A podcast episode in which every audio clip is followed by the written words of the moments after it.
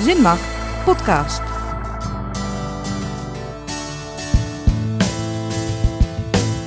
Welkom bij de podcast over 100 jaar agrarisch onderwijs in Raalte. Dat is waar we het over gaan hebben. Wat is er veranderd in de afgelopen 100 jaar? Bijvoorbeeld de verhouding tussen praktijk en theorie, de rol van docenten, de invloed van de technologie en hoe ziet de toekomst eruit voor de agrarische sector en op welke manier speelt het onderwijs daar een rol in? En dat doen we met leuke gasten. Aanwezig zijn drie generaties docenten. Die ga ik straks aan jullie voorstellen, maar ik wil beginnen met Mariette Drost. Hallo Mariette, welkom. Hallo. Jij bent teamleider Groen en Dier, maar nu ook even projectleider 100 jaar groen onderwijs in Raalte. Klopt. Gefeliciteerd, hoe wordt dat feestje gevierd? Ja, het feestje wordt wel eh, iets op een andere manier gevierd dan dat we oorspronkelijk hadden bedacht. Dat komt natuurlijk door de huidige tijd eh, met corona waar we, eh, waar we ons in begeven. Maar alsnog proberen we er zoveel mogelijk iets moois van te maken. Nou, het wordt onder andere gevierd door het opstellen van een magazine in het kader van 100 jaar groen. Daar zitten veel artikelen in vanuit vroeger, maar ook een beetje een blik op de toekomst. Huidige studenten, huidige docenten, oud-docenten, oud-studenten, ook leerbedrijven zitten erin. Ehm, ja, noem maar op eigenlijk. Van alles komt er eh, in naar voren. En dat is een eh, magazine die wordt uitgegeven aan alle adressen waar wij mee te maken hebben. Dat zijn er ongeveer 1500. Dus dat zijn stageadressen, praktijkleerbedrijven. Eh, daarnaast nog aan oud-studenten die zich daarvoor hebben aangemeld. De huidige studenten zullen hem ontvangen en alle medewerkers van de locatie. Nou, daarnaast hebben we nog eh, in maart een gepland bezoek staan van minister van Engelshoven, de minister van Onderwijs. Die komt een bezoek brengen aan deze locatie, zoals het nu lijkt. Daarnaast krijgen alle studenten nog een cadeautje. Dat is een polo eh, met landsteden op de rug die ze aan kunnen hebben tijdens hun werk, tijdens hun stage of in hun vrije tijd. Nou ja, en dat is eigenlijk een beetje de compensatie voor het feest die we, hadden, die we in gedachten hadden. Maar ja, dat, is, eh, dat komt er waarschijnlijk op korte termijn niet meer van. Dus zodoende proberen we dan op een andere manier iets te doen voor onze studenten. En wij gaan straks praten met vier docenten van verschillende leeftijden. Superleuk, maar voordat we dat gaan doen, blijf ik nog heel even bij jou. Want de ontwikkelingen in het agrarisch onderwijs gaan natuurlijk gewoon door.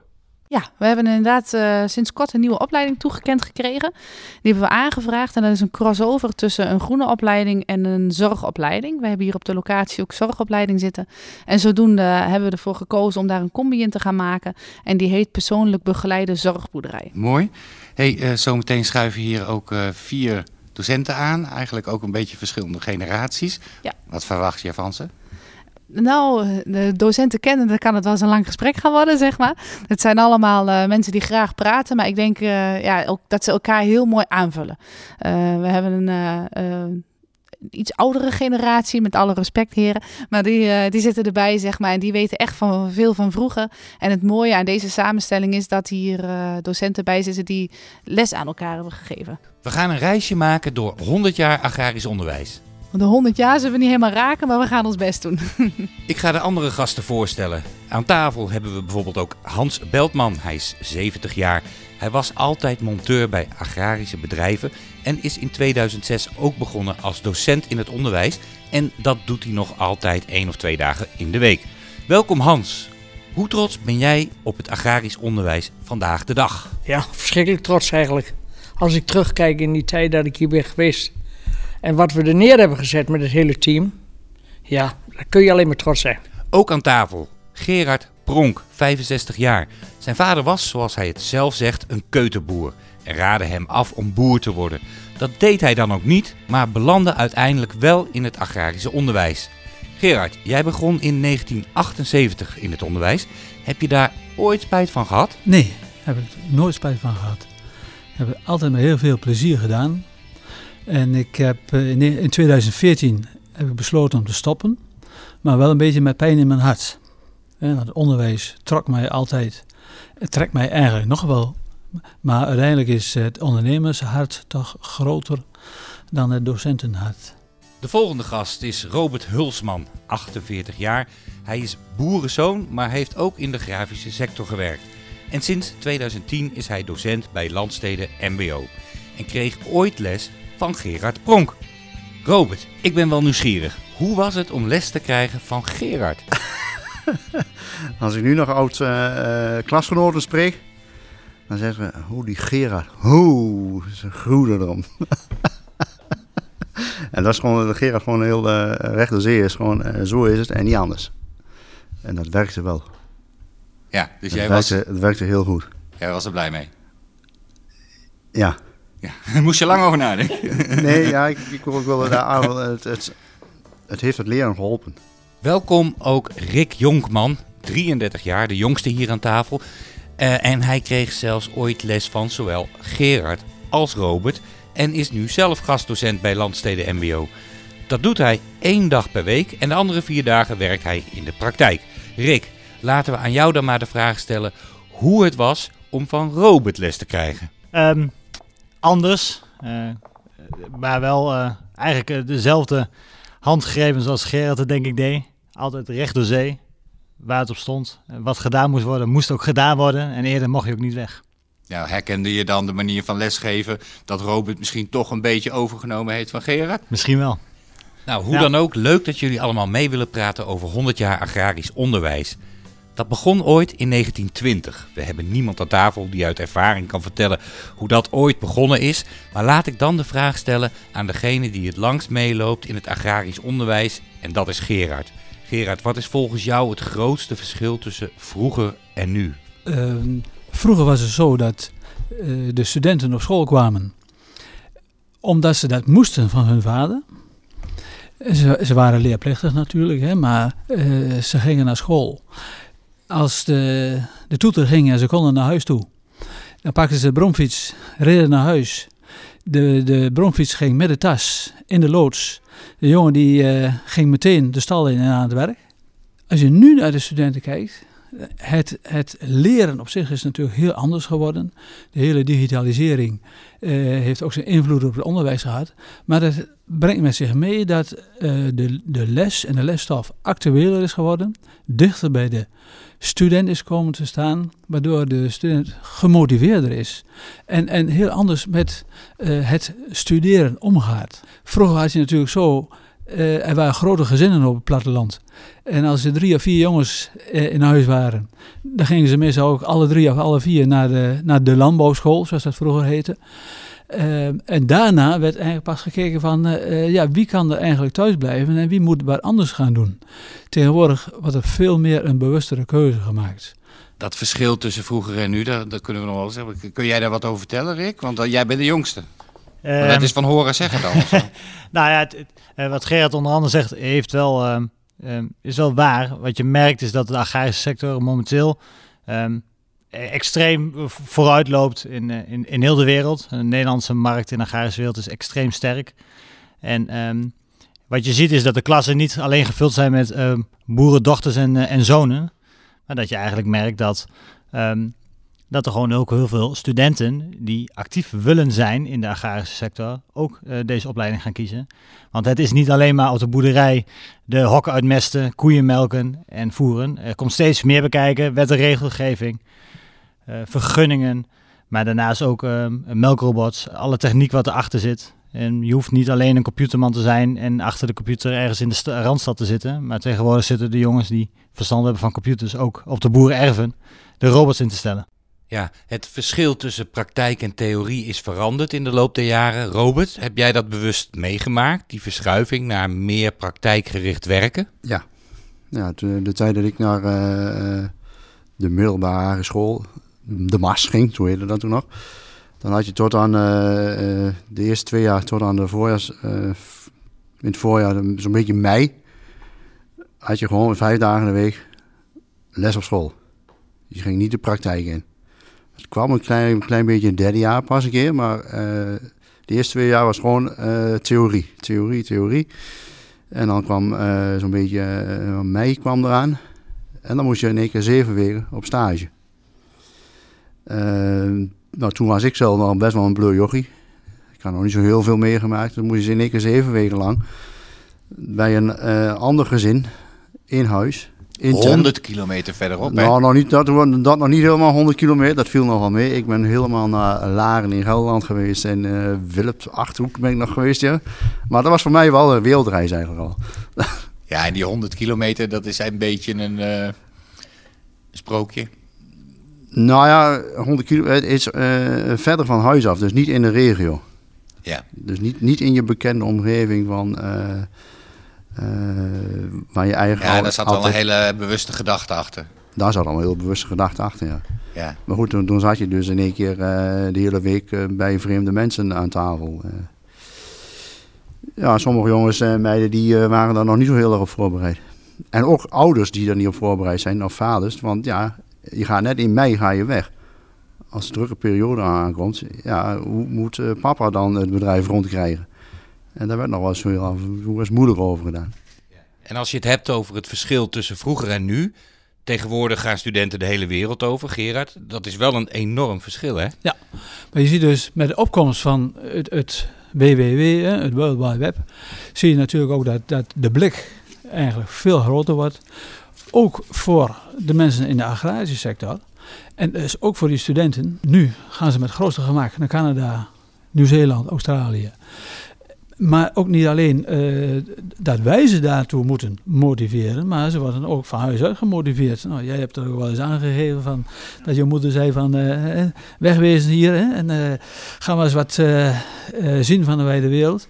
Nou, dat is eigenlijk precies het tegenovergestelde van wat, wat in de jaren 70 en 80 het geval was. Toen moesten ze ze dwingen om eens een keer de IJssel over te gaan. En eh, later eh, ja, vlogen, vlogen ze met het grootste gemak. En nog steeds vl- vliegen ze met het grootste gemak vanzelf over. Ja. Ja, ja want Rick, ik zag bij jou best een indrukwekkend rijtje landen staan. eh. Ja, nou ja, ik heb eh, vanuit huis uit altijd wel de kans gekregen. Ehm dat moet er wel bijgezegd worden. Bij ons was het, net als vroeger bij de, bij de andere heren, denk ik ook niks anders.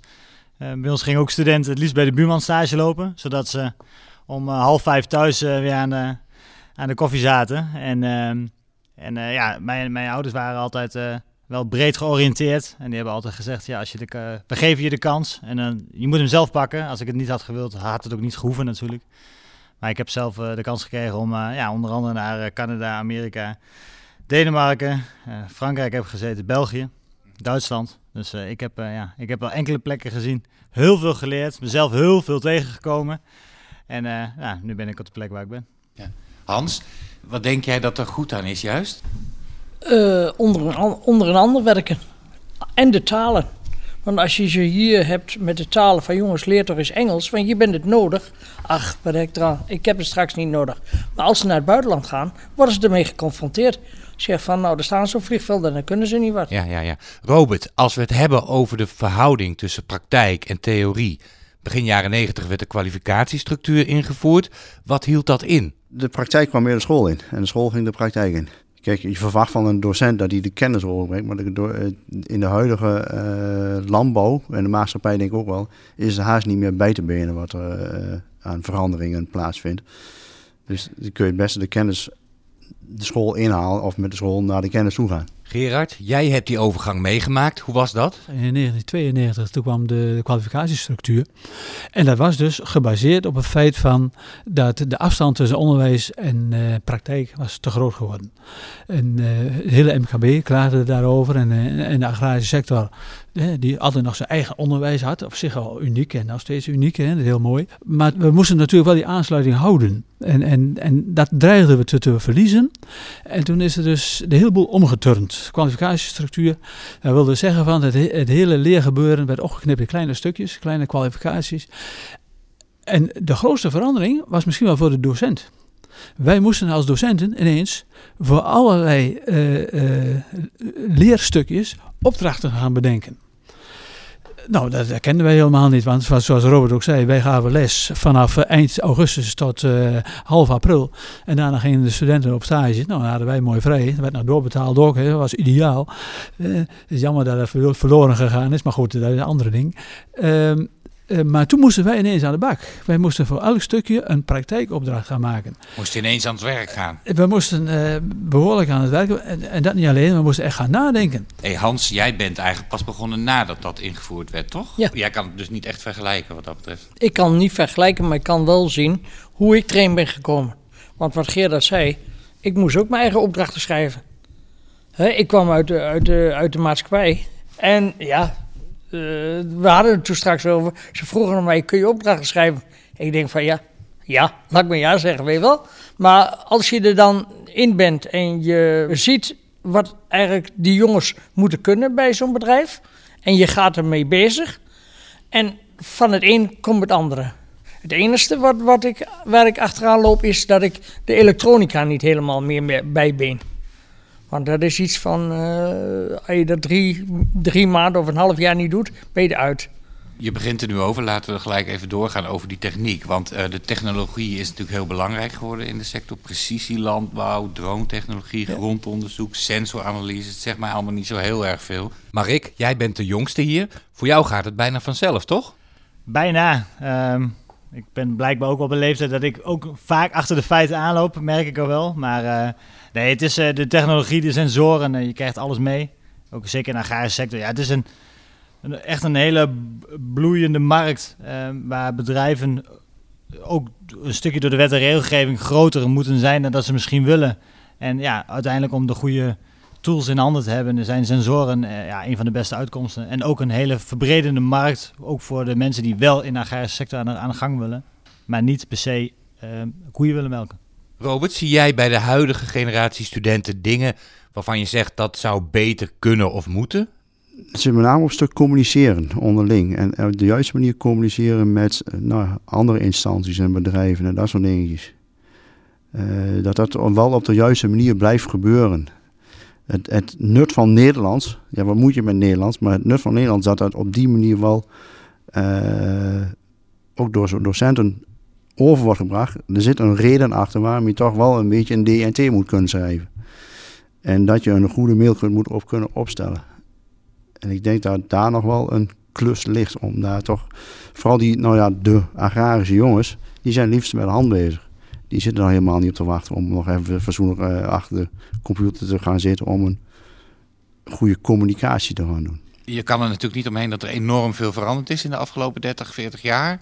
Uh, voor mij zei dat ook van, goh, eerst hadden we boeren, toen hadden we agrariërs en nu hebben we... Ondernemers zie je heel sterk die verandering. Uh, vroeger was het zo, die boer die nam het vaak weer over van zijn vader. En dan ging het erom het bedrijf in stand houden, een klein beetje uitbreiden.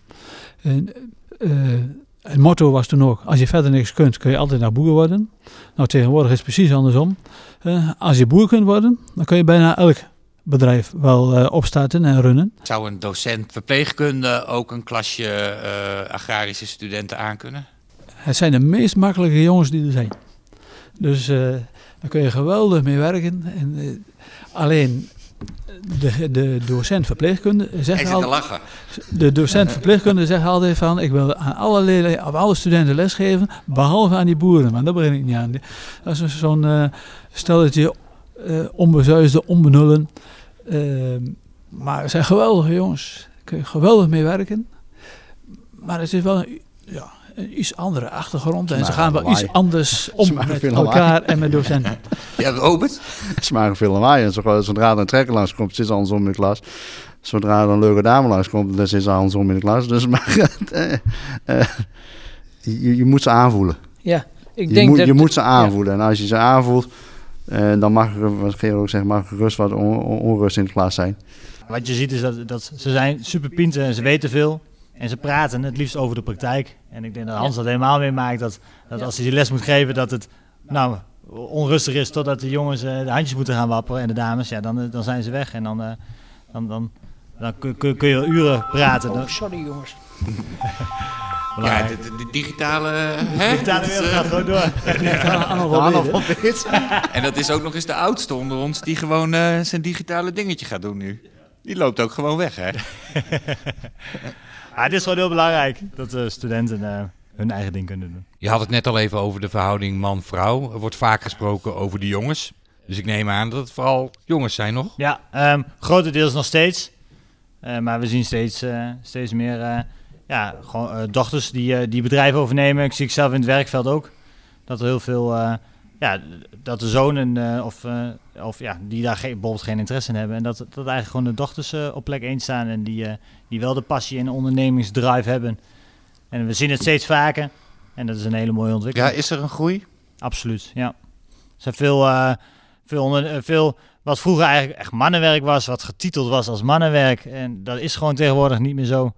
Er rijden vrouwen bij mij een andere werkgever op de vrachtwagen. En er zijn boerendochters die bedrijven runnen en die ehm, eh, ja, eh, die ook eh, hogere functies hebben. En eh, dat, dat- is allemaal, eh, het maakt allemaal helemaal niet zoveel uit. Als je het iets breder trekt, als je kijkt naar de groene sector, dan, dan, dan denk ik dat je weer eh, al wel op 50-50 zit. Met, met, eh, met, Met eh, dierverzorging ja. meer, meer gerekend, zeg maar, en ook de andere, zo andere opleidingen, dan zit je al wel op 50-50. Maar SEC, veehouderij, dan, dan is dat nog niet het geval. Maar daar zie je nu de laatste, de laatste decennia, zeg maar, zie je daar die ontwikkeling ook, dat dat dat toch wel meer in zwang komt. Waar het in het verleden zo was, als er eens een meisje op een trekker reed, dan zei goh, eh, een, een, een meisje achter stuur, nou, dat is, eh, helemaal, dat kon eigenlijk helemaal niet. Nou, dat is tegenwoordig eh, heel gewoon. Wat ik meegemaakt heb, dat was toen ik voor het eerste jaar in het agrarisch onderwijs zat. Toen groeide het agrarisch onderwijs. En toen was, was er een vacature. En toen, eh, s s'morgens om tien uur met de koffie, waren er een stuk of 10, 12 brieven. En de directeur die pakte de eerste brief, leest zo even een stukje en zegt... Oh, is een vrouw. En legt ze zo aan de kant.